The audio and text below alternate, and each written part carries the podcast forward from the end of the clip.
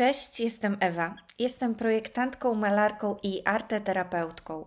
Używam sztuki do redukcji stresu i twórczego rozwoju wewnętrznego. Nagrywam podcast o nazwie Portret umysłu. A dziś odcinek 20 mojego podcastu, którego bohaterem będzie norweski malarz Edvard Munch. W diagnostyce chorób psychicznych występuje taki termin jak lęk wolnopłynący. Bardzo lubię tą taką delikatną nazwę lęk wolnopłynący. I właśnie tak zdiagnozowałabym całokształt pracy twórczej Edwarda Manka.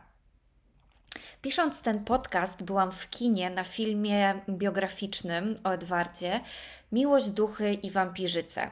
I po takim ponadgodzinnym, chronologicznym przeglądzie jego twórczości mm, i omówieniu głównych wątków z jego życia, czułam, jak jego lęki przelewają się przeze mnie zupełnie tak, jak płynące ślady na jego obrazach.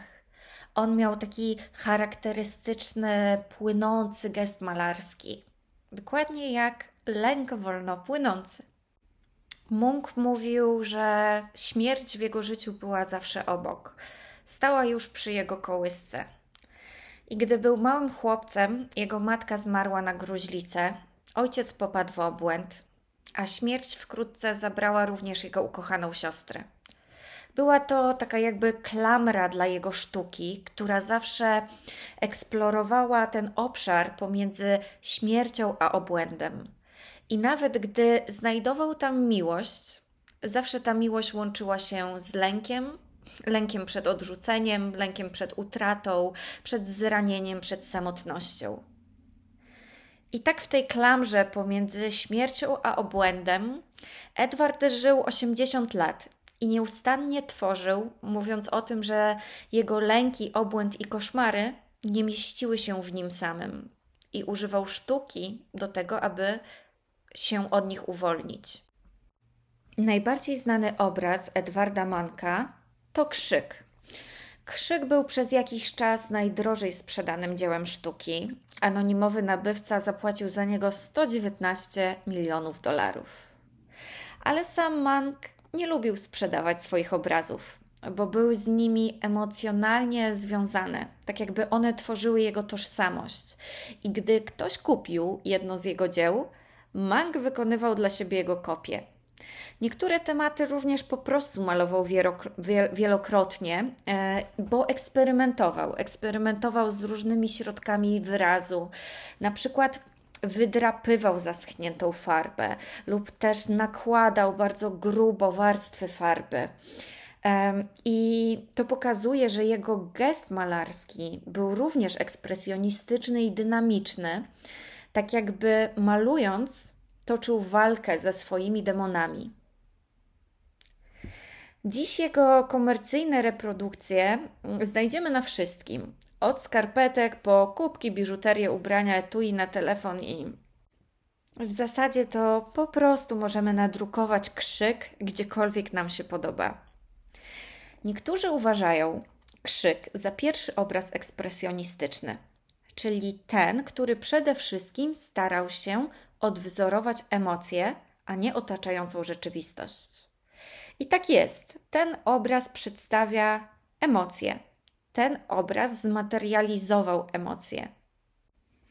Bo krzyk nie przedstawia zwykłego krajobrazu, nie przedstawia zwykłego nieba, nie przedstawia zwykłego mostu i zwykłego spacerującego człowieka.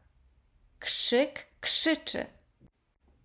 Sam Edward przywoływał wspomnienie Poczułem nagły przypływ melancholii. Niebo stało się krwisto-czerwone. Zatrzymałem się, oparłem o balustradę śmiertelnie znużony. Nad miastem i ciemnoniebieskim fiordem rozpościerały się rozlewiska krwi i języki ognia.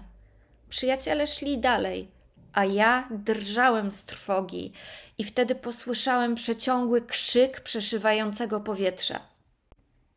Tak o tej chwili, o tej chwili krzyku mówił sam Edward, a moja osobista diagnoza to napad lęku paranoidalnego. Ale gdy ty popatrzysz na ten obraz, ty popatrzysz na krzyk, to doświadczasz sekcji Twojego wnętrza.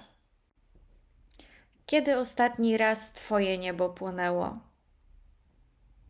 Kiedy ostatni raz tak bardzo chciałeś krzyczeć, ale nie mogłeś sobie na to pozwolić? Kiedy ostatni raz wewnętrznie krzyczałeś, ale na zewnątrz nikt tego nie widział, nikt tego nie słyszał? Otaczający cię ludzie spokojnie spacerowali, ich codzienność wyglądała zwyczajnie, a twój świat płonął. Kiedy? Od czego zapłonęło twoje niebo? Co roznieciło ten pożar? Kto rozniecił ten pożar? Jakie emocje chciałeś wykrzyczeć? Złość, lęk, strach, tęsknotę? Co dokładnie chciałbyś wykrzyczeć? Jak głośno byś krzyczał? Jak długo byś krzyczał? Do kogo byś krzyczał? Kto chciałbyś, aby usłyszał Twój krzyk? Kto chciałbyś, aby na niego odpowiedział? Kto mógłby Twój krzyk ukoić? Kto mógłby Twój krzyk ukoić? Dziękuję. Do usłyszenia. Ewa.